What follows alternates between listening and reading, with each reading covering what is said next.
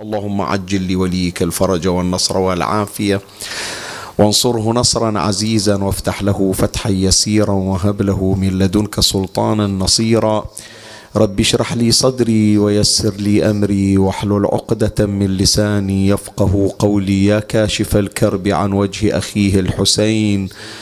اكشف كربي بجاه أخيك الحسين. نادي عليا مظهر العجائب. تجده عونا لك في النوائب. كل هم وغم سينجلي بولايتك يا علي. يا علي يا علي يا أبا الغوث أغثني. يا فارس الحجاز أدركني بلطفك الخفي ولا تهلكني. يا مولاتي يا فاطمة بنت محمد أغيثيني يا سيدتي. صلى الله عليك يا سيدي ويا مولاي يا رسول الله. صلى الله عليك وعلى آلك الطاهرين.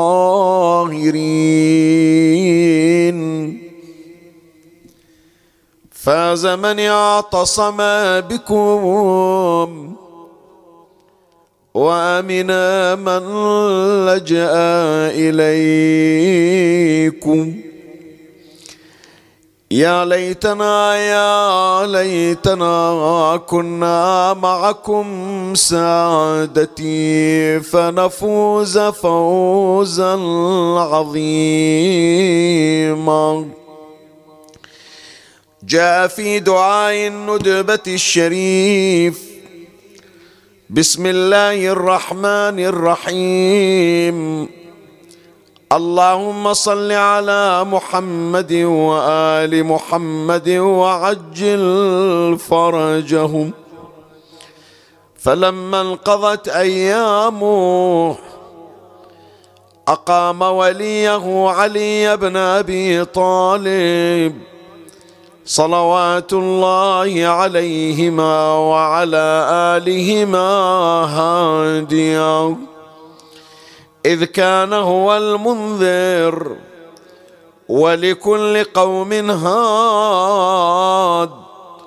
فقال والملأ أمامه من كنت مولاه فعلي مولاه اللهم والي من والاه وعادي من عاداه وانصر من نصره واخذل من خذله. وقال من كنت أنا نبيا فعلي أمير. وقال أنا وعلي من شجر من شجرة واحدة وقال أنا وعلي من شجرة واحدة وسائر الناس من شجر شتى برحمتك يا أرحم الراحمين. وصلى الله على سيدنا ونبينا محمد وآله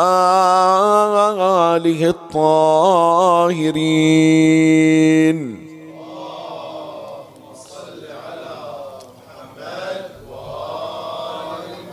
اللهم صل على محمد وآل محمد وعجل فرجهم. اللهم صل على محمد وآل محمد وعجل فرجهم. في دعاء الندبة الشريف هناك فصل مخصص لذكر امتيازات أمير المؤمنين سلام الله عليه وذكر التسميات التي سماه بها رسول الله صلى الله عليه وآله. وهذا أمر ترى ينبغي أن نوليه عناية وأن نهتم به أكثر. شوف مجرد إثارة سريعة إحنا نحتاج إلى إعادة تأهيل في معرفة الزيارات والأدعية الصادرة عن أهل البيت عليهم السلام. يعني أنت الآن من تفتح مفاتيح الجنان ولا أتصور أن بيتا شيعيا يخلو من هذه الكتب. كتب الأدعية كتب الزيارات مفاتيح الجنان ضياء الصالحين. حتما كل بيت شيعي لازم يدخر كما يدخر القرآن في بيته والمصحف يدخر أيضا كتابا يحوي زيارات أهل البيت والأدعية الواردة عنهم. بس قول لي أنت الآن زيارة كزيارة أمير المؤمنين سلام الله عليه في المبعث الشريف أو في يوم الغدير مثلا أو في ذكرى ميلاد النبي صلى الله عليه وآله. متى تقرأها؟ يقول لي شيخنا أنا أزور أمير المؤمنين. بس ما أحتاج أني أنا أقرأ زيارة أمير المؤمنين مالت المبعث وأنا مثلا في ذو القعدة أو أنا في محرم. إذا أريد أزور أمير المؤمنين عليه السلام أزور أمير المؤمنين بالزيارة العامة زيارة أمين الله أو مثلا الزيارة الأسبوعية في يوم الأحد. إما أنه أنا أروح أطلع لي زيارة خاصة في يوم من الأيام وأقراها ماكو داعي هذه من سنة لسنة. وهذا خطأ لأنه الليلة هم افحص هذا الأمر الليلة تشيك وشوف. من تجي تمر على الزيارات راح تكتشف وجود مقامات وقضايا خاصة بأهل البيت عليهم السلام. بحيث لما تجي في يوم المناسبة وتقرأ الزيارة تتفاجأ من هذا الفصل ومن هذا التعبير ومن هذه التسمية.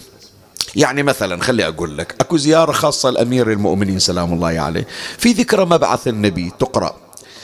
وأكو أيضا شبيهة إلها في ذكرى الغدير. السلام على مكلم الجمجمة في الفلا زين هذا اللي جاي خصوصا إذا كان بالنجف والناس ازدحام يوم الزيارة المخصوصة وما يقدر يطب يدخل.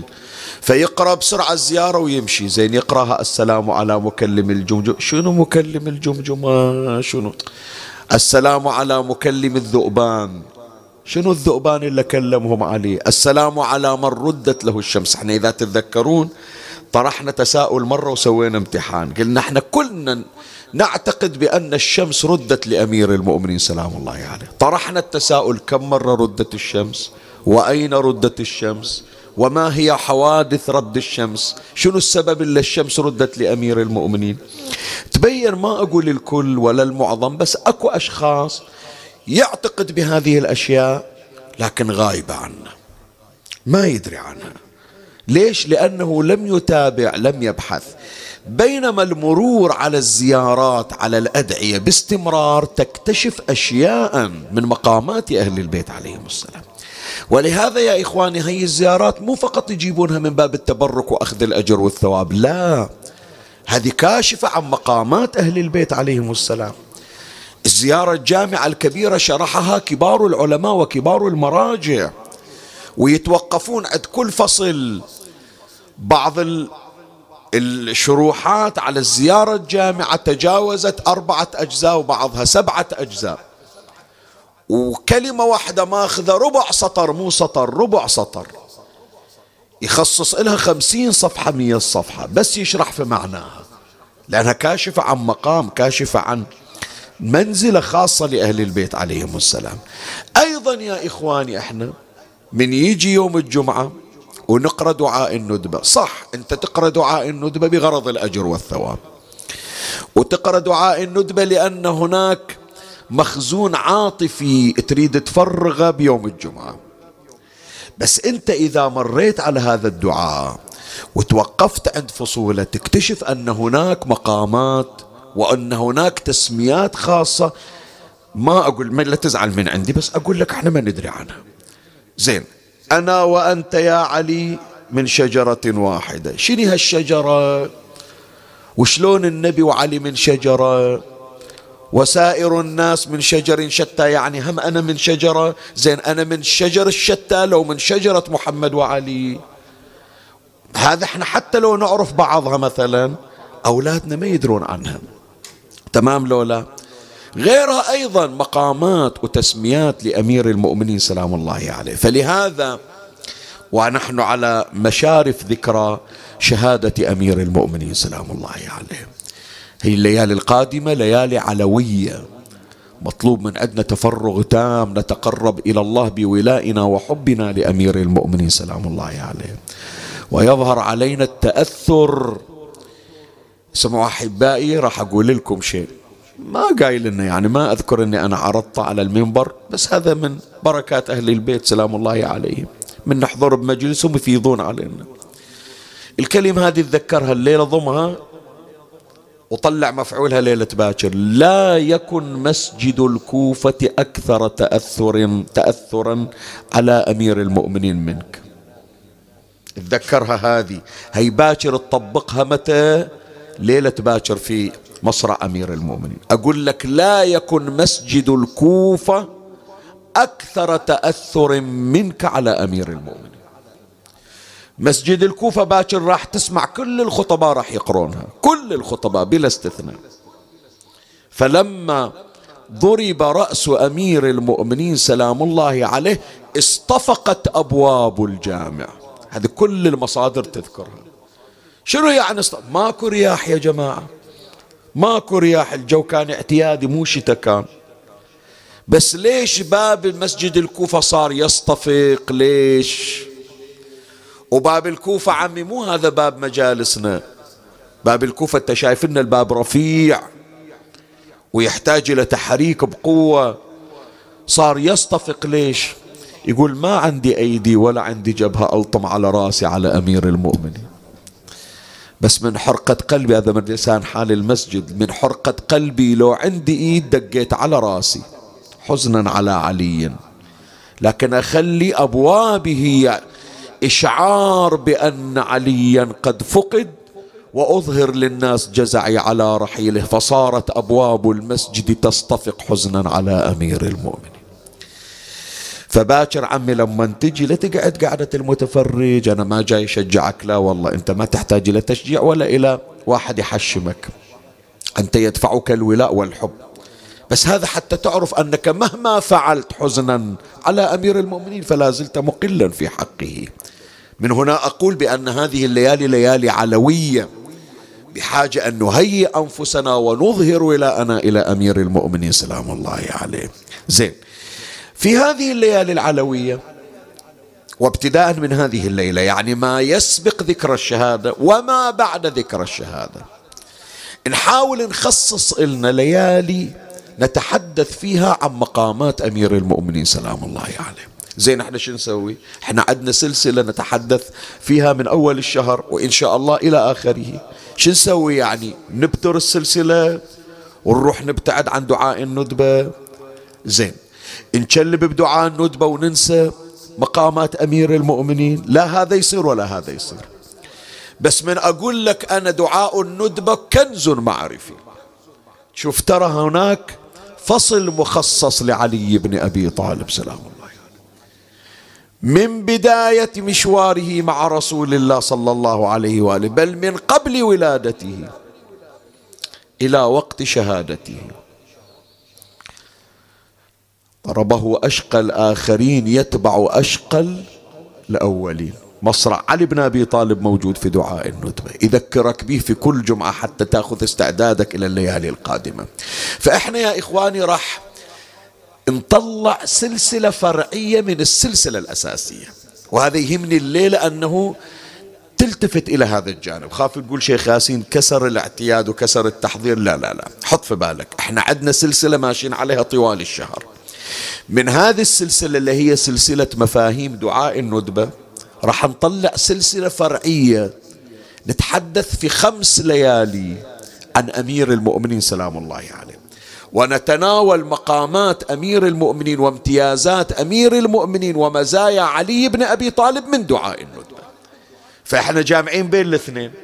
لا ضيعنا الموسم العلوي ولا تباعدنا عن السلسلة سلسلة دعاء الندبة. وهذا جمع النور إلى النور. وأحضرك الآن لهي السلسلة الفرعية. وأهيئك أيضا إلى سلسلة فرعية قادمة نختم بها شهر رمضان. هي السلسلة حول أمير المؤمنين خمس ليالي. هناك سلسلة سلسلة مهدوية من دعاء الندبة. سبع ليالي نتحدث فيها. عن أسماء الإمام المنتظر الأسماء المهدوية من دعاء الندبة عجل الله فرج إمامنا. فإذا يا أحبتي هذه هي الحلقة الثامنة عشرة من سلسلة مفاهيم دعاء الندبة الرئيسية. ونبتدئ هذه الليلة سلسلة فرعية بعنوان دعاء الندبة والمزايا العلوية. هذه أول حلقة منها. إلى خمس ليالي إن شاء الله. فالليلة وثلاث ليالي الشهادة وليلة 22 نتحدث في هذه السلسلة سلسلة المزايا العلوية المأخوذة من سلسلة مفاهيم دعاء الندبة. والليلة نتحدث في بحث بعنوان الشجرة العلوية. هي واحدة من مزايا أمير المؤمنين من دعاء الندبة. أنا وأنت يا علي من شجرة واحدة وسائر الناس من شجر شتى. فإحنا الليلة حديثنا حول الشجرة العلوية. وسأشير إن شاء الله في بحث هذه الليلة إلى فصول ثلاثة حول هذا العنوان. ومن الله أستمد العون والتوفيق ومن مولاي أبي الفضل العباس المدد ومنكم ألتمس الدعاء وثلاثا بأعلى الأصوات. صلوا على محمد وآل محمد.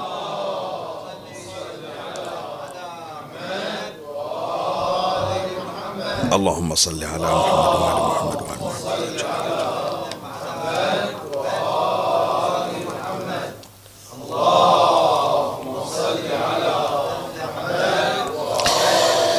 مولاي الكريم أنت حيثما كنت اسمعني وفرغ لي قلبك وأعرني سمعك وأقبل علي بكلك.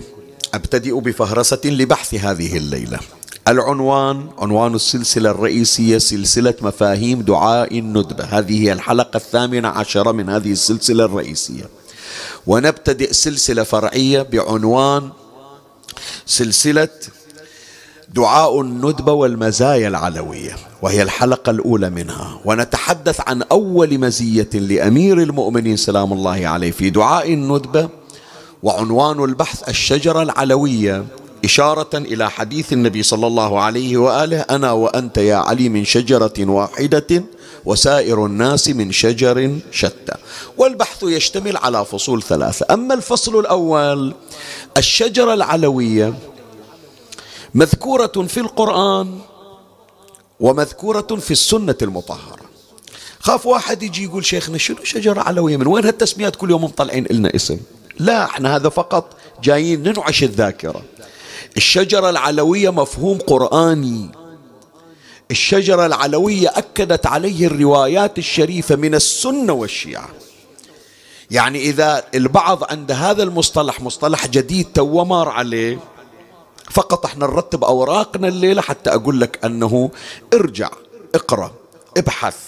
راح تكتشف بأنه التفاسير تحدثت عن شجرة علي. والروايات مو بس رواياتنا الشيعية لا. مو مرات بعض الأشخاص يقول شيخنا لا تدورون الروايات الولائية دوروا الروايات المجمع عليها. ترى هذا مجمع عليه الروايات هذه تكررت عند السنة والشيعة عند أهل العامة وعند الخاصة وهم الشيعة. تحدثوا عن الشجرة التي خلق منها محمد وعلي صلوات الله عليهما وآلهما. خلي في الفصل الأول أبين لك وين موقع الشجرة العلوية من القرآن ومن السنة المطهرة. أولا من القرآن. قال الله تعالى في سورة الرعد الآية الرابعة وفي الأرض قطع متجاورات وجنات من أعناب وزرع ونخيل صنوان وغير صنوان يسقى بماء واحد ونفضل بعضها على بعض في الأكل إن في ذلك لآيات لقوم يعقلون. هذه الآية تقول لي وين علي بن أبي طالب فيها؟ من تجي إلى تفسير السيد هاشم التوبلاني على الله مقامه. أوه شوية يعني, يعني يفرض وجوده علينا سيد هاشم ترى. تعرف هذا في مكتبة الشيعة في المكتبة الخاصة بالطائفة الشيعية. من يحطون في المكتبة الشيعية رفوف ويخلون على كل رف عنوان. يعني رف خاص بالتفاسير رف خاص بالروايات رف خاص بالتاريخ رف خاص بالسير رف خاص بالرجال رف خاص بالأخلاق وهكذا. ومن نقول مكتبة شيعية يعني الكتب التي ألفها مؤلفون شيعة. من نجي إلى كتب التفاسير يعتبرون أهم كتاب تفسيري فريد من نوعه الذي فسر القرآن بالمأثور يعبرون عنه شنو؟ تفسير القرآن بالمأثور. مرة يجيك تفسير لغوي يعني ما يقول علماء اللغة في هذه الآية شنو إعرابهم؟ شنو مؤداهم؟ شو يقولون علماء اللغة فيها؟ مرة يجي واحد يفسر بتفسير أخلاقي مرة يجي مفسر مثلا فلسفي تفسير فلسفي. لكن تيجي مرات تفاسير تفسر كما قال أهل البيت. ماذا يقول أهل البيت في هذه الآية؟ ماذا يقول أهل البيت في هذه في هذه السورة؟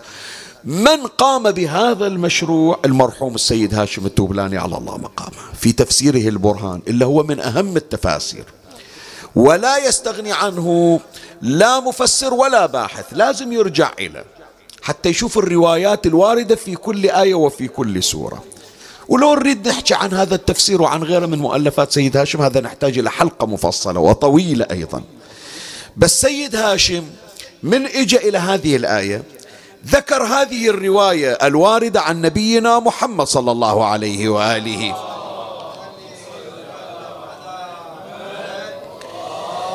ارجع إلى تفسير البرهان الجزء الرابع صفحة 244 تفسير آية رقم أربعة من سورة الرعد. عن جابر بن عبد الله قال سمعت رسول الله صلى الله عليه وآله يقول لعلي الناس من شجر شتى وأنا وأنت من شجرة واحدة. ثم قرأ النبي صلى الله عليه وآله جاب الآية هذه آية أربعة من سورة الرعد. ثم قرأ وجنات من أعناب وزرع ونخيل صنوان وغير صنوان يسقى بماء واحد. زين شنو ماء واحد؟ إجا النبي يقول شنو ماء واحد؟ قال يسقى بماء واحد يعني بالنبي وبك يا علي. كل شجرة يا إخوان شجرة علم شجرة رئاسة شجرة نسب. كل أشجار الدنيا الخاصة بالبشر لازم تستعين برسول الله صلى الله عليه وآله وبأمير المؤمنين. الآن شلون تسقى؟ هذا يترك. هذا يحتاج إلى بحث مستقل. شنو يعني يسقى؟ أنا أقول لك واحدة منها بس سريعا يعني. إن شاء الله أوفق في مجلس مستقل أتكلم عن سقاية محمد وعلي لأشجار الناس. أولا يا إخواني من تسمع شجرة نسب. ما شايف أنت؟ كل أسرة إليها شجرة خاصة. ذول المفروض شجرة النسب أحياء لو مو أحياء؟ حتما أحياء. لو مو أحياء إجوا على قيد الحياة وفارقوا الحياة وجابوا أحياء ما صار لهم ذكر. صحيح لو لا؟ فإذا كانوا أحياء وجعلنا من الماء كل شيء حي. واحدة منها يا إخواني الموجودات وجدت ببركة محمد وآل محمد صلوات الله عليه.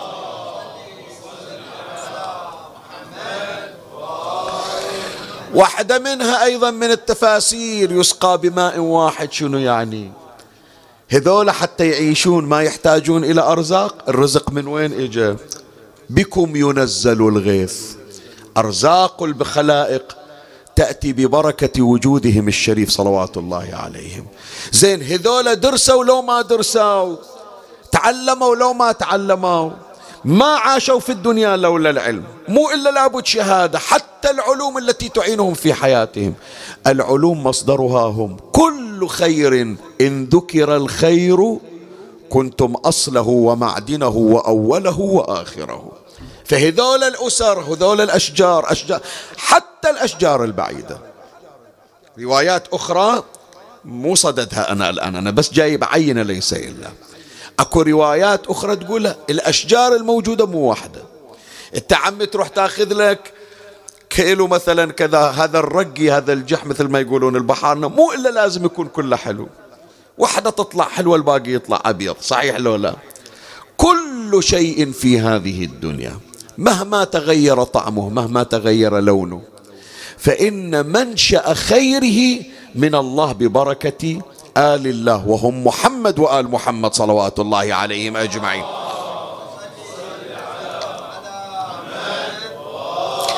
فإذا أول نقطة من الفصل الأول القرآن أشار إلى شجرة علي بن أبي طالب. التي هي شجرة رسول الله صلى الله عليه وآله. وهي واحدة من الآيات التي ذكرتها وأشرت إلى أن السيد هاشم التوبلاني على الله مقام في تفسير المرء. البرهان كان قد نوه إليها. زين.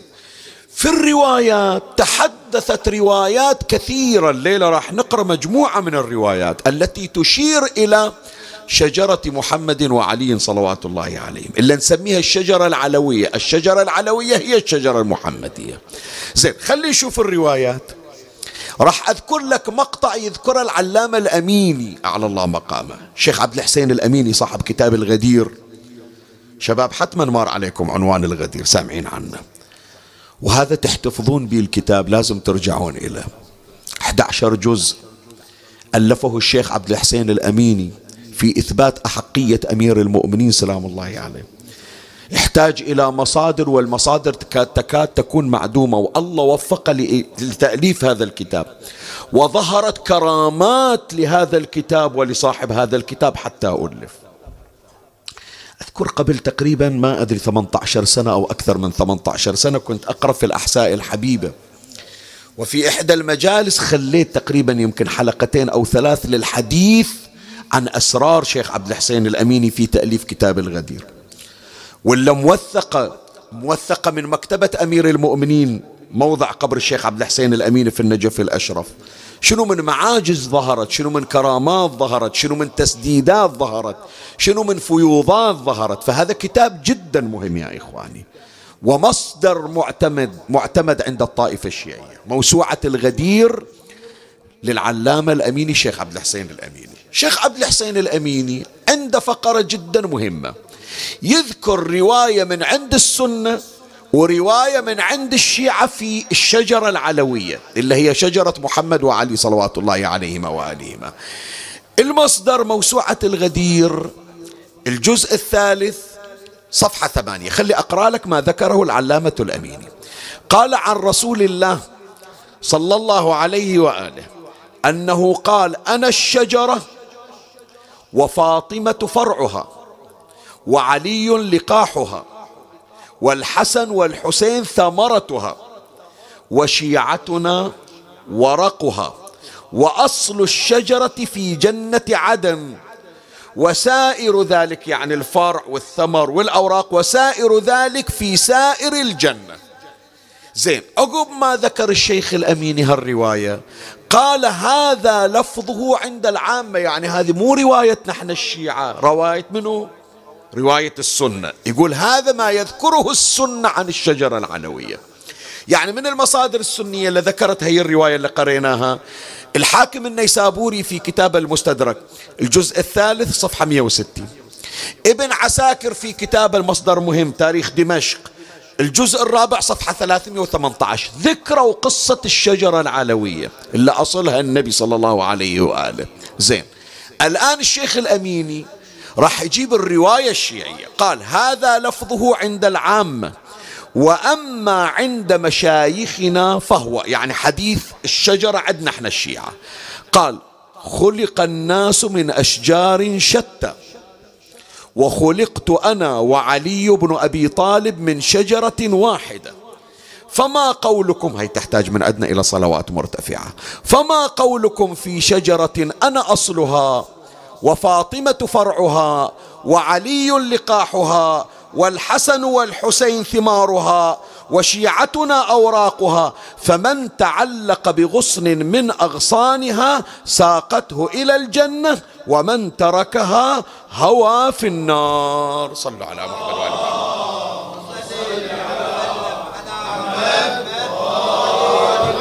زين هذا الفصل الأول.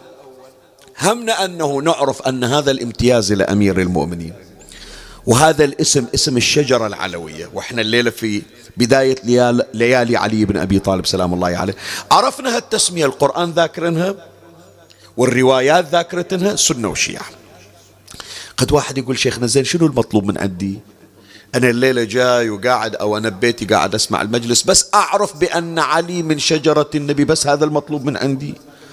لو هناك وظائف مطلوبة من عندي أنا من أعرف بأن علي من أصل الشجرة الشجرة المحمدية الشجرة العلوية الشجرة الفاطمية الحسنية الحسينية شجرة محمد وآل محمد صلوات الله عليهم أجمعين.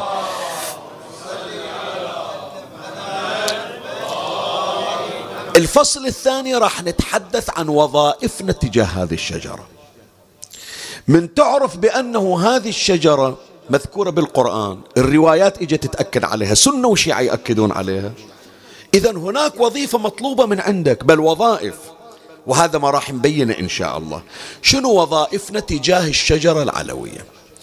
أول وظيفة مطلوب من عندنا أن نزداد تعلقا بشجرة أمير المؤمنين سلام الله عليه أي خلي أقرأ لك الرواية. الرواية في بحار الأنوار الجزء 15 صفحة 20 عن جابر بن عبد الله قال بين النبي صلى الله عليه وآله بعرفات وعلي عليه السلام تجاهه يعني النبي مقابل علي وعلي مقابل النبي. ونحن معه إذ أومأ النبي صلى الله عليه وآله إلى علي فقال ادنوا مني يا علي. تعال عندي حكاية وياك. ادنوا مني يا علي فدنا منه. فقال ضع خمسك. خمسك يعني شنو؟ يعني خمس الأصابع. النبي يريد يسوي حركة رمزية وهذه راح تفيدنا هالحركة الآن. ضع خمسك يعني كفك في كفي. فأخذ بكفه محمد قابض على كف علي صلوات الله عليهما وآلهما. ويراوي الناس ضع خمسك يعني كفك في كفي. فأخذ بكفه فقال يا علي خلقت أنا وأنت من شجرة أنا أصلها وأنت فرعها. والحسن والحسين أغصانها. اسمع شاهدنا فيها العبارة. فمن تعلق بغصن من أغصانها أدخله الله الجنة. زين من الرواية كلها يهمني أي عبارة؟ تعلق. مرة عمي المجلس أنت تمر عليه مرور. مرة خاف أقول والله الحكاية إن شاء الله ما موجود عندنا هذا الكلام. بس تمر سنة 2023 من شهر يناير إلى شهر ديسمبر من شهر واحد إلى شهر 12 تروح مكتبة وتروح حسينية وتروح زيارة همين لكن تمر على الضريح مرور عابر. وتمر وتشوف كتاب مكتوب عليه مثلا أسرار أمير المؤمنين أو بركات أمير المؤمنين في الدنيا. أو شيء يعرفك عن حياة النبي طالعة وتمشي وتعبر عنه. تحضر مجلس حضور المتململ. من تجي بيخالف هم فاتحة لازم أعزيهم شو أسوي؟ شهر رمضان أنا قايل راح أسير عليهم أزورهم بشهر رمضان. ولا مجلس حسيني بعد شو أسوي؟ راح أقعد وأطلع. فمن يجي شهر 12 31 ديسمبر 2023 يجون يسوون لك جرد. حصلت السنة من زيادة معارف عن أهل البيت؟ منسوب الولاء عندك شلونه شنو زاد عندك من تعلق من حب إلى صاحب الزمان عن السنوات السابقة؟ عجل الله فرج إمامنا. لا والله هذه السنة نفس اللعام واللعام خاف أقول والله حكاية تأذين تأذيك ومن أنزلها متعاتب كم واحد جاء قال لي شيخنا يوم إحنا صغار عندنا تعلق بالموكب وعندنا تعلق بالمأتم ومن كبرنا اجتنا الدنيا وشغلتنا عن أهل البيت. إن شاء الله ما موجود. كم واحد وواحدة من تراسلوا ويانا إخواننا ما أريد أسمي المناطق بس أقول للي عايشين في المهجر. إجتني رسالة الرسالة لازلت محتفظ بها. بكاء عندهم صوت بكاء يقرح القلب. قالوا شيخنا من كنا في جوار أهل البيت؟ كنا نحيي المواسم وكنا نحيي ذكرى أهل البيت. ما فاتتنا زيارة وما فاتتنا مناسبة. صار الضيم علينا طلعنا من مجاورة أهل البيت. عشنا في الغربة غيرتنا الدنيا. ما نقول بغضناهم ما نقول كرهناهم. معاذ الله من غيرهم إحنا ما نسوى شيء. لكن مو الحس الولائي اللي كان موجود. ونت أمهاتنا ونت جداتنا. الله يرحم أستاذي سيد جاسم طوير جاوي رحمة الله عليه. رحمة الله عليه رحمة الابرار رمز الولاء ورمز الدمعة الحقيقية كم مرة ولا زلت أذكر هذا من أجيبه متفضل.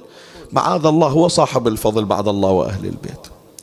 بس هذا الرسالة اللي كان يهتم سيد جاسم يبثها في حياته لا يفارق الحياة وتنقطع. إحنا تلامذة المفروض نمشي على منواله ورسالته يكون نرد نبلغها. سنة من السنوات سافر يقرأ محرم في لندن. والمجلس عندي محتفظ به وأذكر بعدين سولفت وياه ونقل إلي عن التجربة. الله يحفظهم ولا أهل الولاية الله يذكرهم بالخير صوتي يوصل إلهم يعني. وندعو لهم ما ننساهم. بذاك الوقت الناس كانت مشغولة كانت أيام اضطرابات. ويوم عاشر محرم. وقف سيد جاسم على طوله. وقال يا جماعة. لو وين تروحون لا تتغيرون عن الحسين. خاف تقول لا الدمعة بأوروبا تختلف عن الدمعة في كربلاء.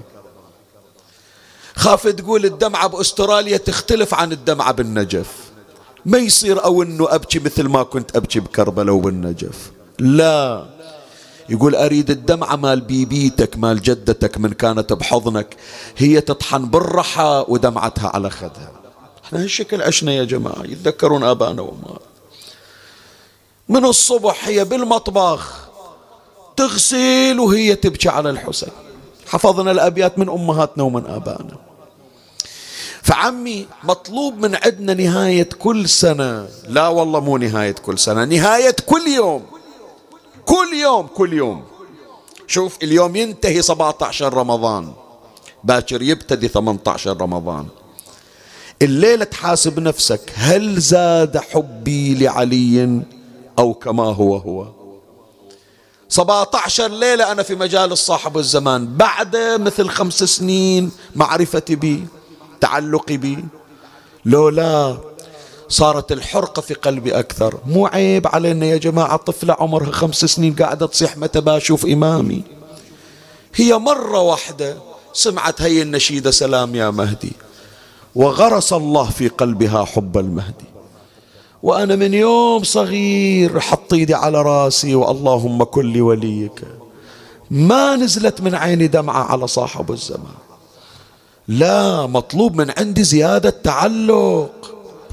زيادة تعلق. وهذا اللي طلبوه من عندنا أهل البيت. التعلق كيف يكون؟ تعلق عاطفي. تعلق عاطفي يعني من يجي ذكرهم؟ نزلت الدمعة من عيني. تعلق فكري. قد ما أسمع محاضرات قد ما أقرأ كتب أقول أهل, أهل البيت بحر متلاطم. بعدي يا الله يا الله قلاص ما شارب من هذا البحر. بعدي بحاجة إلى. ومن أسمع عن خطيب ومن أسمع عن كتاب ومن أسمع عن واحد عنده معارف عن أهل البيت يا معود تعال فدوة إلك علمني عن سادتي. علمني عن أسرارهم علمني عن مقاماتهم. علمني كيف أتوسل إلى الله بهم. علمني كيف يدعون الله حتى أدعو بدعائهم. من غيرهم أنا هالك. أريد أنجو بحبهم. شايف؟ هذول اللي شفناهم يا إخواني من يجون إلى المراجع من يجون للفقهاء علمونا عن سادتنا علمونا عن موالينا. فأول وظيفة مطلوبة منا يا إخواني تجاه الشجرة العلوية زيادة التعلق. راح أتجاوز هالنقطة قبل لا أطلع عنها توصية أنا بحاجة إلها قبلكم. ليلة باكر قعدتك بالحسينية مو مثل قعدة 18 رمضان ليلة باكر ليلة علي. ليلة باكر ليلة منو؟ ليلة علي. شوف عمي تحضر في ماتم. بسم الله عليك من الشر. والله يحفظ أهلك وأسرتك. قعدتك في فاتحة أبوك غير. لبسك غير وجهك غير دمعتك غير وقارك غير.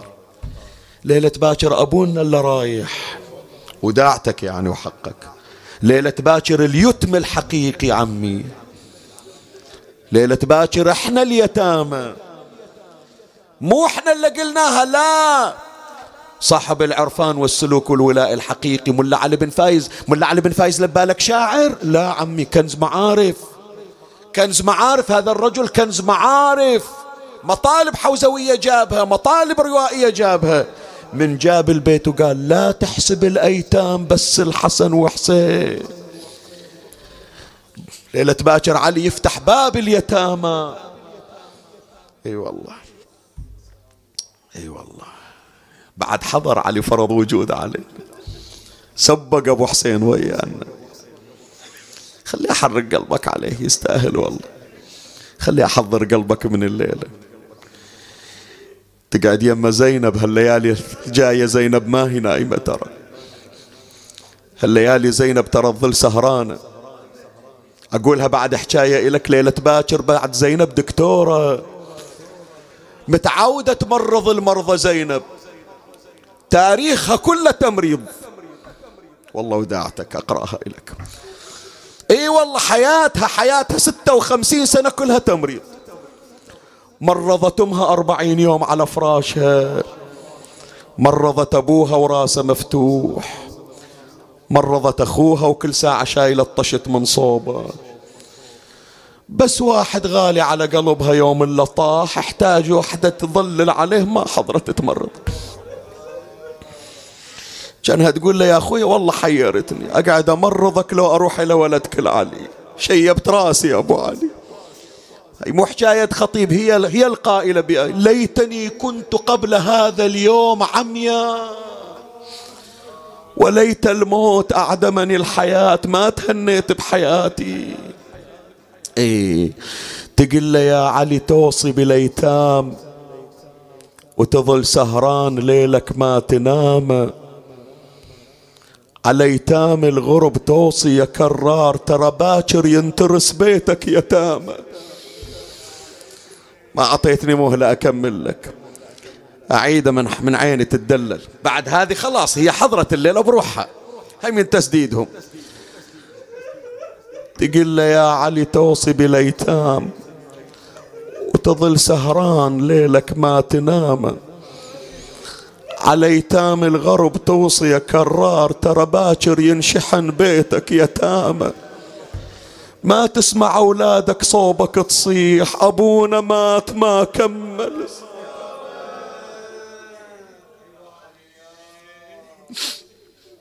فالوظيفة الأولى تجاه الشجرة العلوية وظيفة التعلق بها وبصاحبها.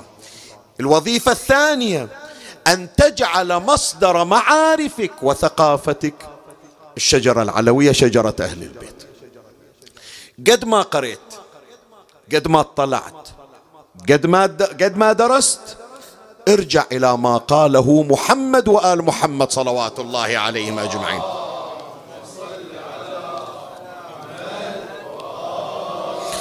الحديث عن أمير المؤمنين سلام الله عليه يرويه العلامة المجلسي على الله مقامه في بحار الأنوار الجزء 15 صفحة 19 عن أمير المؤمنين عليه السلام قال رسول الله صلى الله عليه وآله يا علي خلق الله الناس من أشجار شتى. شوف كم مرة قرينا هذا الحديث.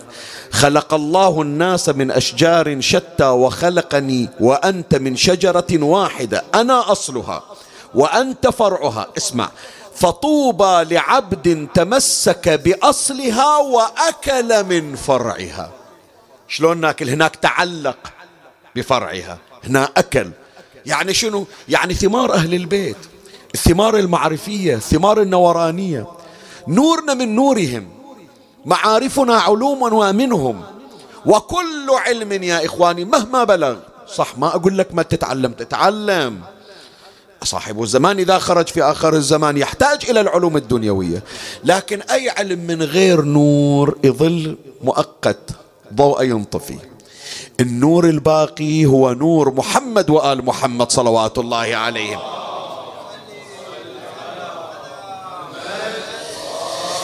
لأن العلوم الدنيوية تنفع للدنيا. نعم إذا كانت خدمية تنفعك بالآخرة بس حتى تحصل فائدة من العلم اجمع معه علوم آل محمد ليكون خيرا للدنيا ولوين؟ وللآخرة. فإذا الوظيفة الثانية أن ننتهل من معارفهم. اثنين. ثلاثة. وهذه تهمني. شوف كل بحثي أوقف عند هالنقطة أهم نقطة. خلي أقرأ لك, أقرأ لك الرواية وأجيب لك الإثارة. الرواية في بحار عفوا في كتاب عيون أخبار الرضا للشيخ الصدوق على الله. مقامه في الجزء الثاني صفحة 65 عن أمير المؤمنين عليه السلام. قال رسول الله صلى الله عليه وآله خلقت يا علي من شجرة. خلقت منها شوف كم حديث جبنا عن الشجرة العلوية. خلقت منها أنا أصلها وأنت فرعها. خلقت يا علي من شجرة خلقت منها أنا أصلها وأنت فرعها. والحسن والحسين أغصانها. حط بالك هذا شادي في العبارة ومحبون ورقها. يعني ورق الشجرة العلوية. شيعة علي ومحبو علي. ومحبون ورقها. اسمع فمن تعلق بشيء منها أدخله الله عز وجل الجنة.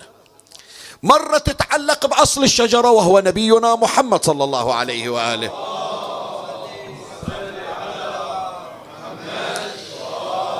ومرة تتعلق بغصن الشجرة بفرع الشجرة وهو علي عليه السلام. ومرة تتعلق بثمار الشجرة وهما الحسن والحسين عليهما السلام. ومرة تتعلق بورقة من الشجرة. من الورقة؟ شيعة علي محب علي. هذا الدرس يا إخواني الوظيفة اللي نستفيدها شنو هي؟ صح.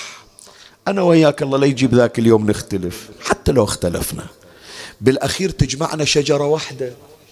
شجرة منو؟ أحسن. شجرة محمد وآل محمد صلوات الله عليهم.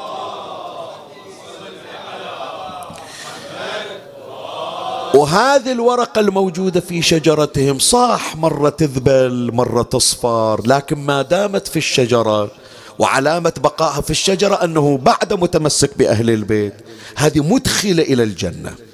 فلهذا يا إخواني شوفوا من من بركات حب أهل البيت. يوم الغدير الله يبلغنا وياكم يوم الغدير. من تصافح أخوك المؤمن شو تقول له؟ آخيتك وصافيتك في الله تبارك وتعالى الحمد لله على إكمال الدين وتمام النعمة ورضا الرب بولاية أمير المؤمنين علي بن أبي طالب عليه السلام أسقطت عنك كل حقوقي ما خلا الدعاء والشفاعة والزيارة. فإذا دخلت الجنة أدخلتك معي. عمي هذا اللي أخاصمه ترى باكر هو جواز سفري. هذا اللي مخاصمنا ولا معادنا؟ ترى باكر هذا جواز مروري إلى الجنة. باكر يمكن أنا أجي أمير المؤمنين يشوفني بعيد عنا طوال السنة. بس هذا اللي أنا يوم من الأيام عندي مشكلة. قريب ويا أمير المؤمنين. يجي هو يتوسط لي. يقول ما أدخل إلا جاري وياي. ما أدخل إلا ابن عمي وياي. ما أدخل إلا أسرتي وياي. فمطلوب من عندنا يا إخواني أن نحب أهل البيت في محبتنا لأوليائهم ومحبيهم. امتحنونا أهل البيت شلون؟ تحبني صدق؟ تحبني صدق؟ يا أحبك يا أمير المؤمنين. زين. تحب أولادي؟ شلون ما أحب أولادك؟ طيب. تحب الخدم اللي يخدموني؟ قال قنبر اللي يخدمك يا أمير المؤمنين أحط نعالة على رأسي بشرف خدمته. طيب. هذا من شيعتنا ومحبينا إلا صار لك سنة ما تحكي وياه. تحبه؟ لا سامحني يا علي. إذا بعد إذا حب أنت تحب روحك. مو تحبني أنا. لو تحبني أنا كان كل واحد يحبني تتعلق به. فلهذا الشجرة العلوية يا إخواني تعلمنا كيفية الترابط وكيفية التآزر. ويوم اللي يجي الشيطان ينزغ بيننا لأمر دنيوي أقدم رضا الله ومحبة محمد وآل محمد صلوات الله عليهم أجمعين.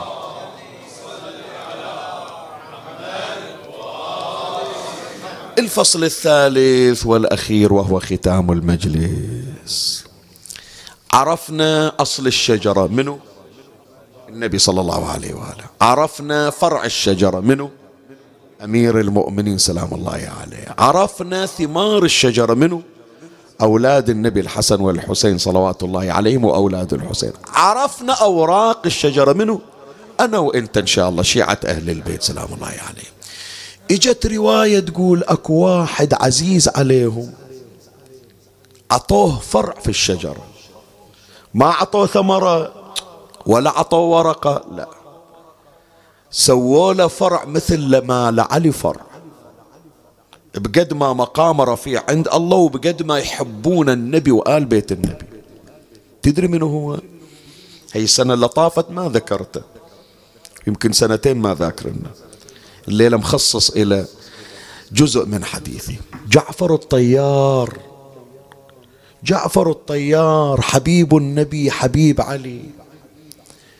تدري جعفر هذه قايلينها أنا وأرد أكررها يمكن الناس أول مرة يتابعوني. خلي يحفظونها. يا جماعة النبي إذا طاح بشدة يصيح باسم منه رد علي. من يصير النبي بشدة ويستغيث إلى الله باسم منه يصيح علي. الزهرة تصيح باسم منه باسم علي. أهل البيت يصيحون باسم منه باسم علي. علي من يطيح بشدة يصيح باسم منه وجعفراه ولا جعفر لي اليوم. موضع استغاثة أهل البيت جعفر الطيار. فشوف الرواية شقد غريبة.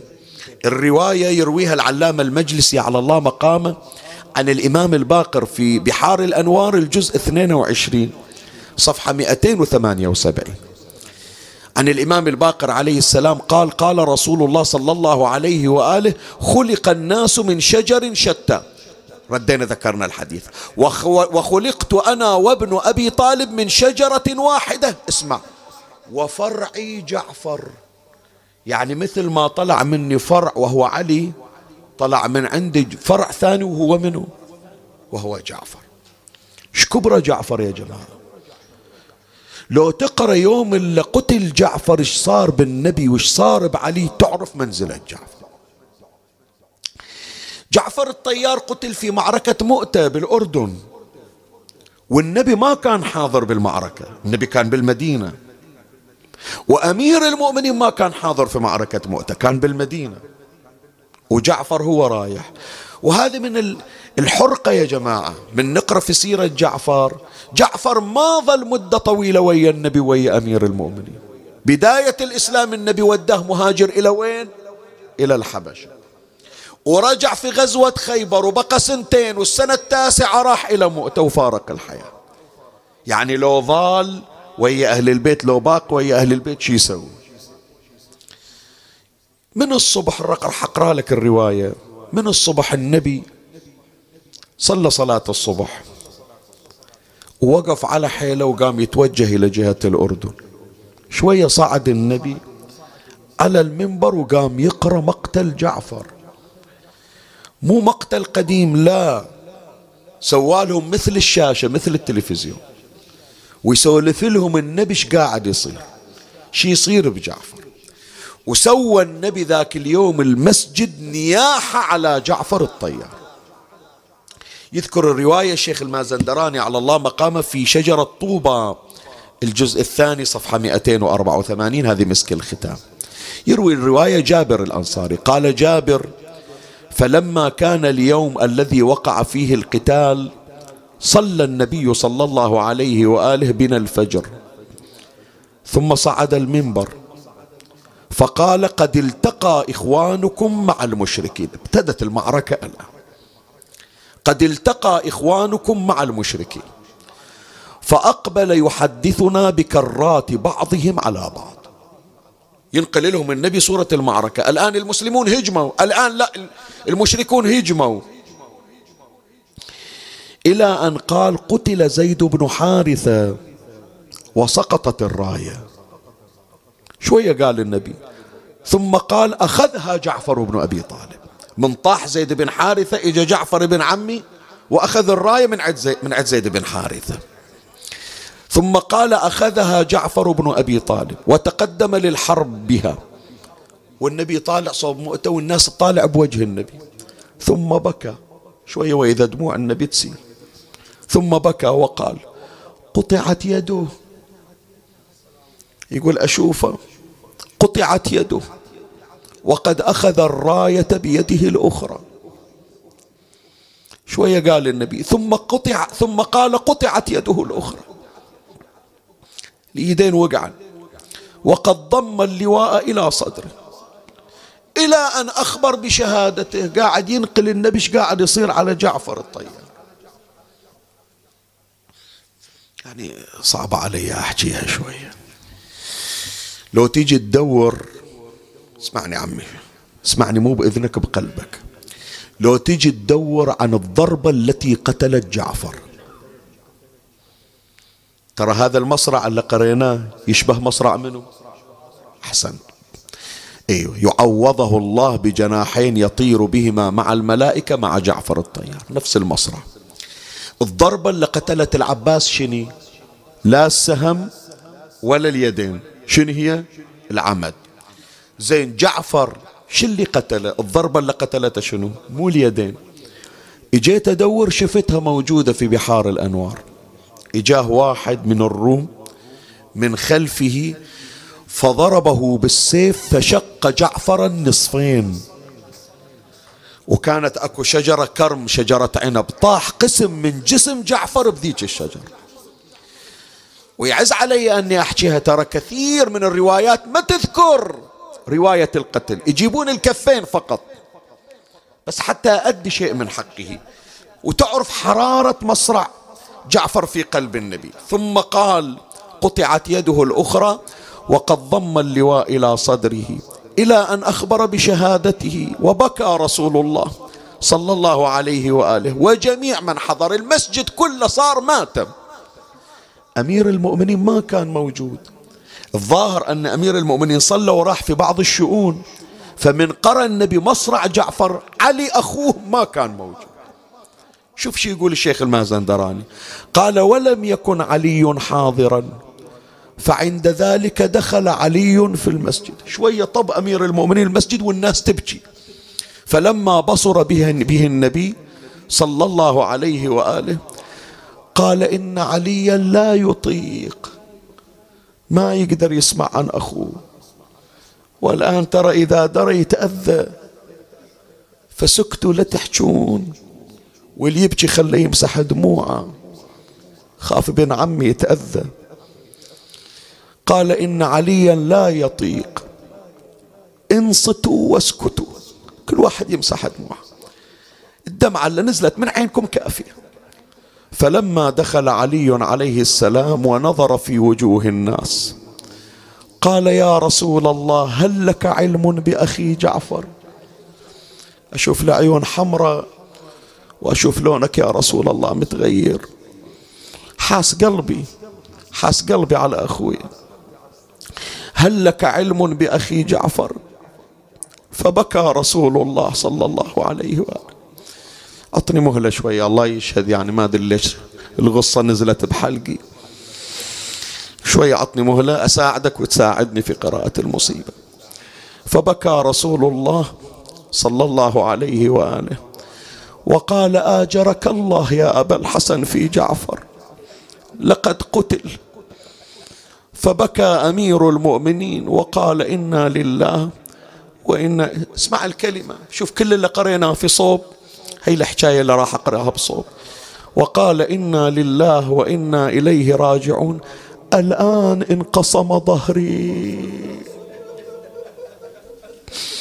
وقفة ما أقدر أوقف. يوم راح أضيدي وأخويا. وشرفك ترى هالدمعة من عينك مو على جعفر أدري. قلبك رايح إلى واحد ثاني. أبو حسين الله يجابر مصابك فقد الأخو يكسر الظهر. ما تلام يا علي. بس إيش دعوة؟ ما شفت أخوك إلا في مؤتة وأنت في المدينة. ورسول الله نازل من على المنبر وضام منك إلى صدره ويسليك. والمسجد كله صار الماتم قبل لا يندفن حطوا عليه فاتحة. وتصيح الآن انقسم ظهري. خلي الكلمة مو إلك يا علي. خلي حكاية لذاك الغريب اللي شمتوا عليه. خلي حكاية الآن انكسر ظهري إلى ذاك اللي شاف أخوه ممدد قدامه. خلي حكاية الآن انكسر ظهري اللي حيرت النسوان. ما يدري قعد ويا أخوه لو يروح يرجع أخته. الليلة صوب باب الحوايج عمي الليلة الونة مختلفة عاد عن كل ليلة. الله لا يخليك تدخل مغتسل وتشوف أخوك ممدد. واللي فقد أخوه الله يجابر مصابة. ويلي ويلي تعلنا من الخيم للعلق ومحسين يصيح بصوت يا اخويا طحت.